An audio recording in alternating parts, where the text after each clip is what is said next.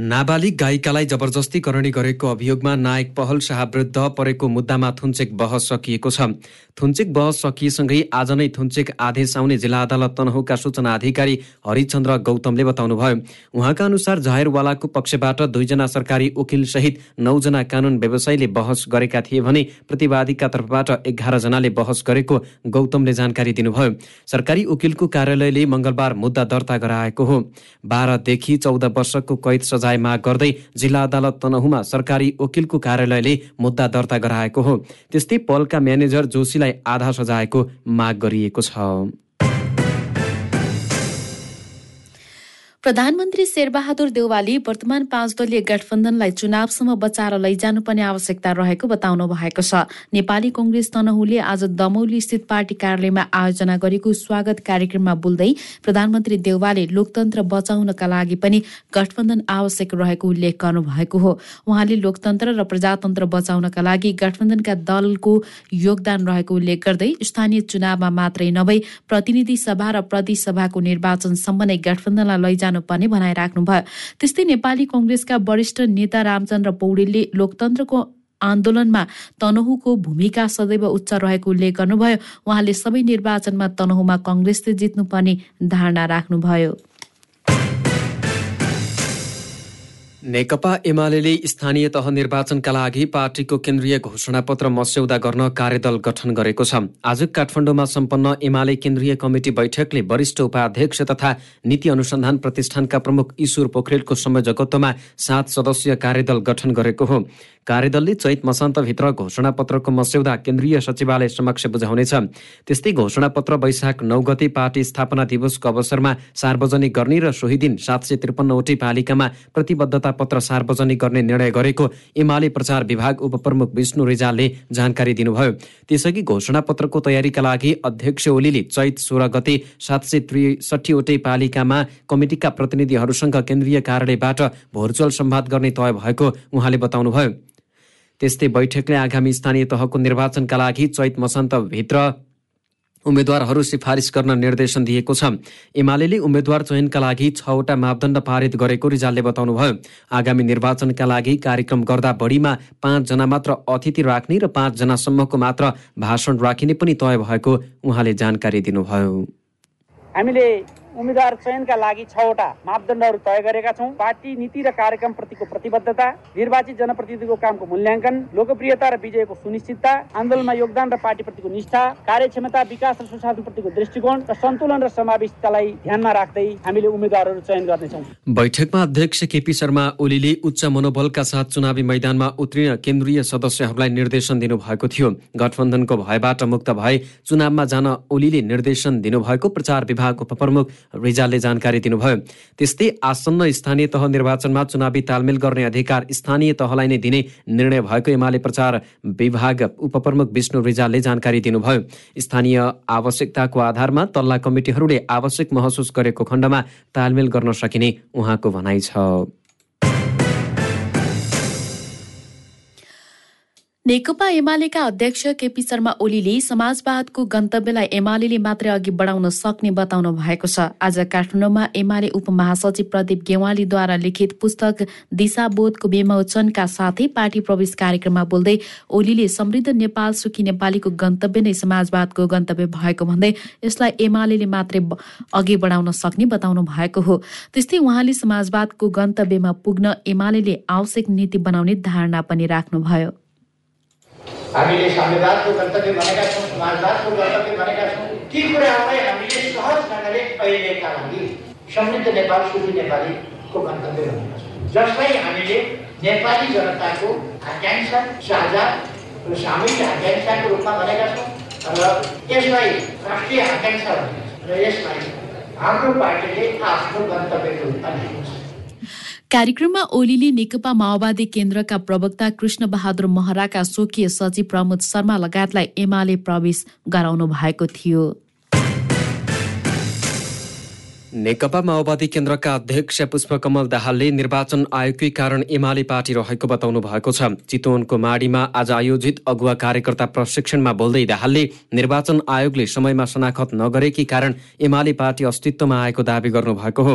उहाँले केपी ओलीलाई समेत आफूहरूले पार्टी विहीन बनाएको तर आयोगका कारण यो अवस्था आएको बताउनुभयो। आज पनि त्यो शक्तिले षड्यन्त्र जारी राखेको दाहालको भनाइ थियो।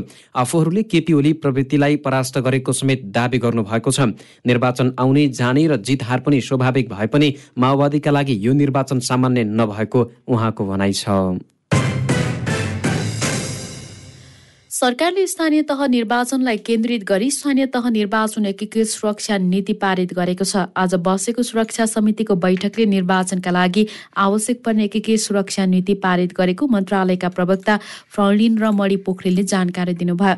निर्वाचन निष्पक्ष र भयरहित रूपमा सम्पन्न गर्न नीतिले सहयोग पुग्ने उहाँको भनाइ छ। बैठकमा सुरक्षा निकायका प्रमुखहरूले वर्तमान सुरक्षा अवस्था र निर्वाचनका लागि आवश्यक पर्ने सुरक्षा रणनीतिबारे धारणा राखेका थिए। सुरक्षा समितिको बैठकमा चिनिया विदेश मन्त्री वाङ यीको शुक्रबारबाट हुन लागेको तीन दिने नेपाल भ्रमणको सुरक्षा व्यवस्थापन बारे छलफल भएको प्रवक्ता पोखरेलले जानकारी दिनुभयो। यसैबीच निर्वाचन आयोगले आगामी स्थानीय तहको निर्वाचनका लागि करिब दुई करोड मतपत्र छापिने जनाएको छ। निर्वाचन आयोगमा आज आयोजित पत्रकार सम्मेलनमा सहायक प्रवक्ता सूर्य प्रसाद अर्यालले कुल मतदाता भन्दा दस प्रतिशत बढी अर्थात् करिब दुई करोड मतपत्र छापिने जानकारी दिनुभयो। त्यस्तै आयोगले मतदाता नामावली मतदाता परिचय पत्र निर्वाचनसँग सम्बन्धित निर्देशिका लगायतका सामग्री छपाईका लागि विभिन्न छवटा प्याकेको बोलपत्र स्वीकृत गरी आपूर्तिकर्तासँग सम्झौता गर्न पत्राचार गरिएको जनाएको छ। त्यस्तै सहप्रवक्ता अर्यालले निर्वाचन आचार संहितामा उम्मेद्वारले राजीनामा दिनुपर्ने बुदामा अदालतको आदेश भएका त्यस बाहेकका अन्य आचार संहिता लागू हुने जानकारी दिनुभयो। त्यस्तै उहाँले निर्वाचन आचार संहिता कार्यान्वयनका सन्दर्भमा सरकारवालासँगको अन्तर्क्रियात्मक कार्यक्रम सुरु भएको बताउनुभयो। मतपत्र छपाई गर्नको लागि करिब दुई करोड मतपत्र छाप्नुपर्ने हुन्छ किनकि हाम्रो अन्तिम मतदाता नालीमा कायम हुने मतदाता सङ्ख्या करिब एक करोड सतहत्तर लाख हाराहारीमा होला। त्यो चाहिँ आगामी तेह्र गते आयोगले अन्तिम मतदाता नाली प्रकाशन गरेपछि यकिन हुन्छ र त्यसको करिब दस पन्ध्र प्रतिशत हामीले थप मतपत्र चाहिँ छाप्नु पर्दछ। भनेको मतलब विभिन्न कारणहरू जोखिमलाई चाहिँ मध्यनजर गरेर केही बढी मतपत्र छाप्नु पर्दा करिब दुई करोडको सङ्ख्यामा मतपत्रहरू छापिन्छन्।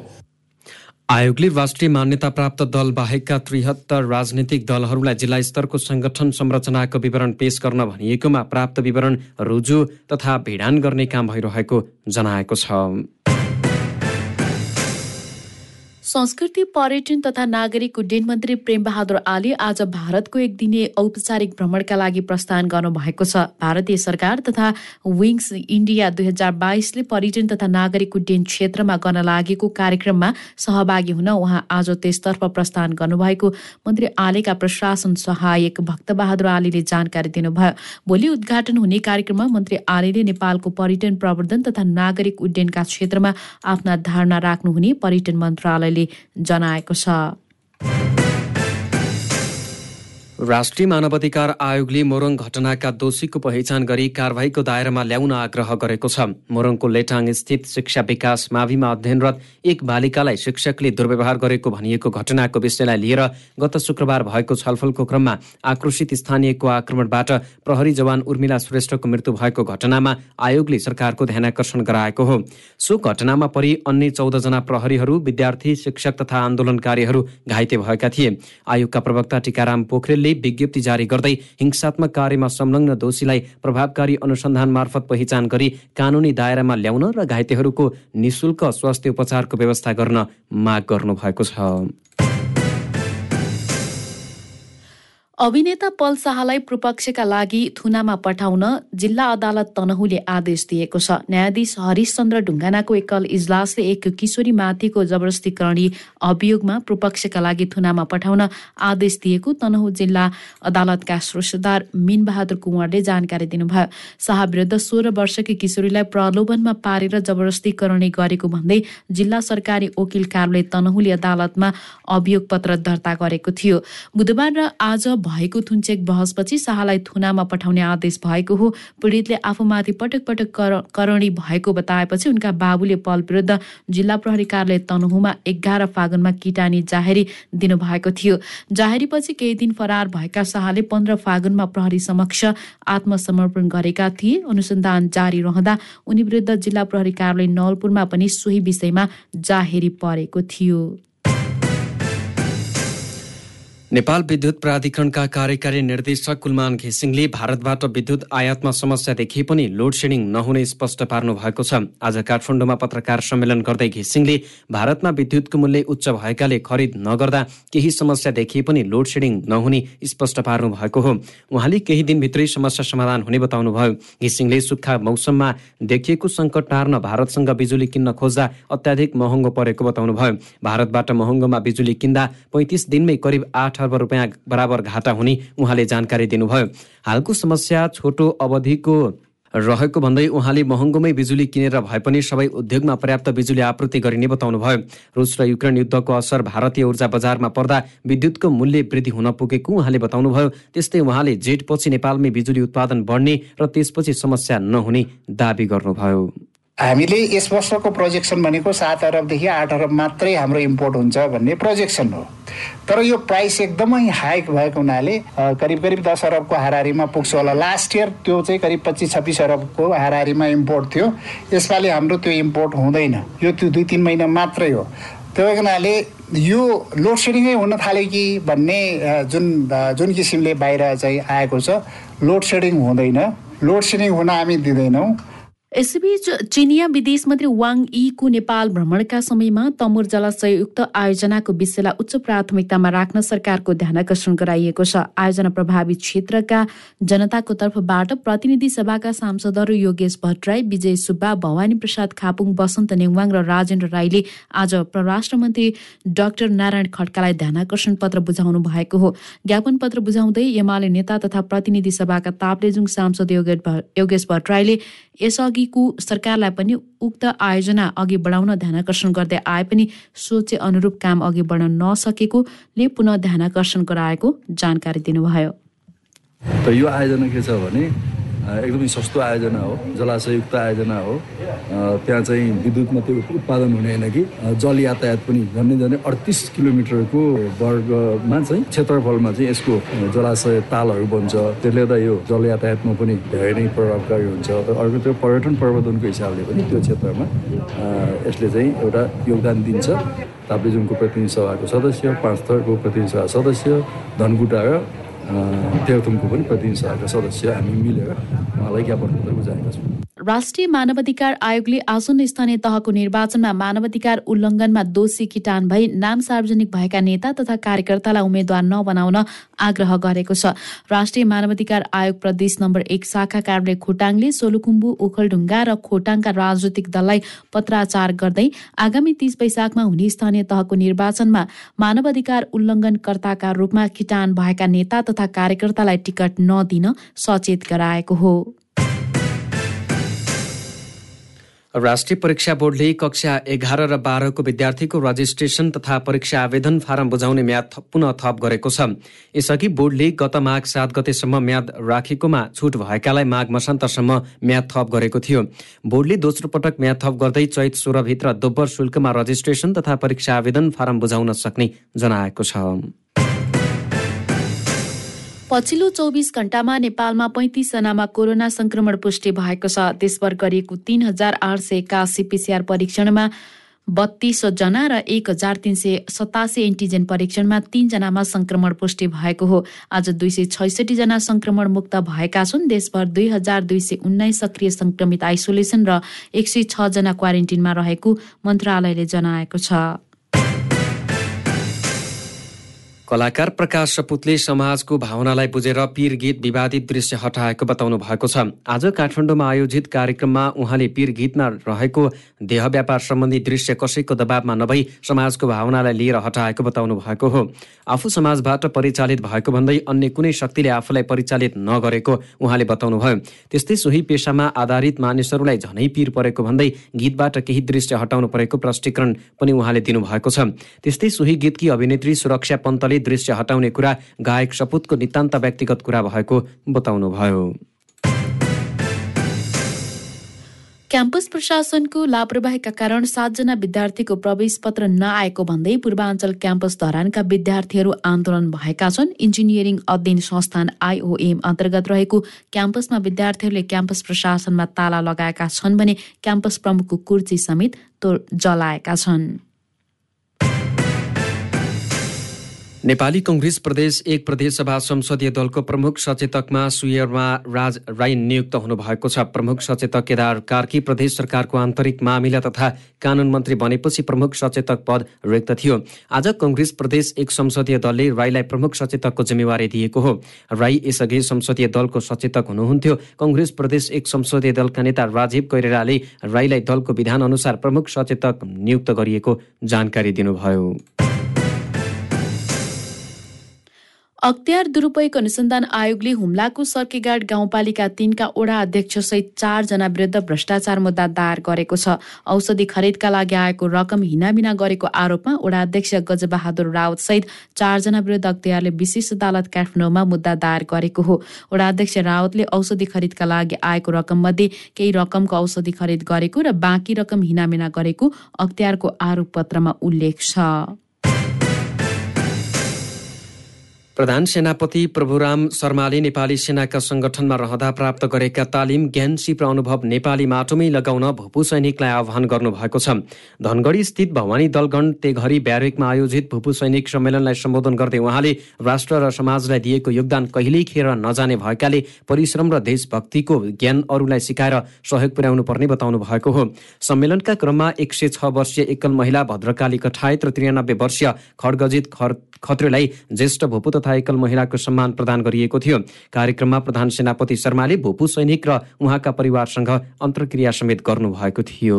कारोबारको अन्तिम दिन सेयर बजार परिसूचक नेप्से आज पनि घटेको छ। नेप्से आज सोह्र दशमलव छ नौ अङ्कले घटेर दुई हजार छ सय तेह्र अङ्कमा कायम भएको छ। कुल तीन अर्ब चौबिस करोड रुपियाँको सेयर कारोबार भएको छ। यसअघि बुधबार जम्मा दुई अर्ब चार करोडको मात्रै कारोबार भएको थियो। व्यवसायीले आयात गरेका वस्तु अब काठमाडौँको स्थित सुक्खा बन्दरगाह भन्सार कार्यालयबाट जाँच पाँच गराउन पाउने भएका छन्। अर्थ मन्त्रालयले राजपत्रमा सूचना प्रकाशित गरेर यस्तो व्यवस्था लागू गरेको हो। सीमास्थित भन्सार कार्यालयमा पैठारीको लागि ल्याइएका मालवस्तु सु कार्यालयबाट जाँच पाँच नगराई बन्दरगाह भन्सारमा लगी जाँच पाँच गराउन चाहेमा मालवस्तु बन्दरगाह भन्सारसम्म महानिर्देशकले तोके बमोजिमको सडक मार्गबाट लैजान आन्तरिक परिवहनको सुविधा दिइने प्रकाशित सूचनामा भनिएको छ। क्यान्डिड न्युजमा अब अन्तर्राष्ट्रिय समाचार दक्षिणी सहर एमनको दक्षिणी सहर एडेन नजिकै हिजो भएको बम आक्रमणमा परि एक वरिष्ठ सेना अधिकारी सहित पाँच एमनी सैनिक मारिएको अधिकारीहरूले जनाएका छन्। एडेनबाट दस किलोमिटर उत्तरमा रहेको अल मदिना अल खादा गाउँ हुँदै यात्रा गर्दा कार बम विस्फोटमा मेजर जनरल थाबिट जावस र चार सैनिकको मृत्यु भएको एक सुरक्षा अधिकारीले एएफपीलाई बताएका छन्। एक स्थानीय अधिकारीले आक्रमण र मृत्यु हुनेको संख्या पुष्टि गरेका हुन्। यस आक्रमणको कुनै पनि समूहले तत्काल जिम्मेवारी लिएको छैन। जावासलाई सन् दुई हजार चौधमा देशको गृहयुद्ध सुरु भएदेखि यमनका इरान समर्थित हुथी विद्रोहीसँग लड्ने प्रमुख कमान्डर मध्ये एक मानिन्थ्यो। उत्तर एटलान्टिक सन्धि संगठन नेटोले पूर्वी युक्रेनमा थप सैन्य पठाउने जानकारी गराएको छ। नेटोका महासचिव जेन्स स्टोलबर्गले पूर्वी युक्रेनमा थप सैनिक पठाउने विषयमा कुराकानी भइरहेको र सम्भवतः नेटो आबद्ध राष्ट्रहरूले यसलाई सहमति प्रदान गर्ने बताउनुभयो।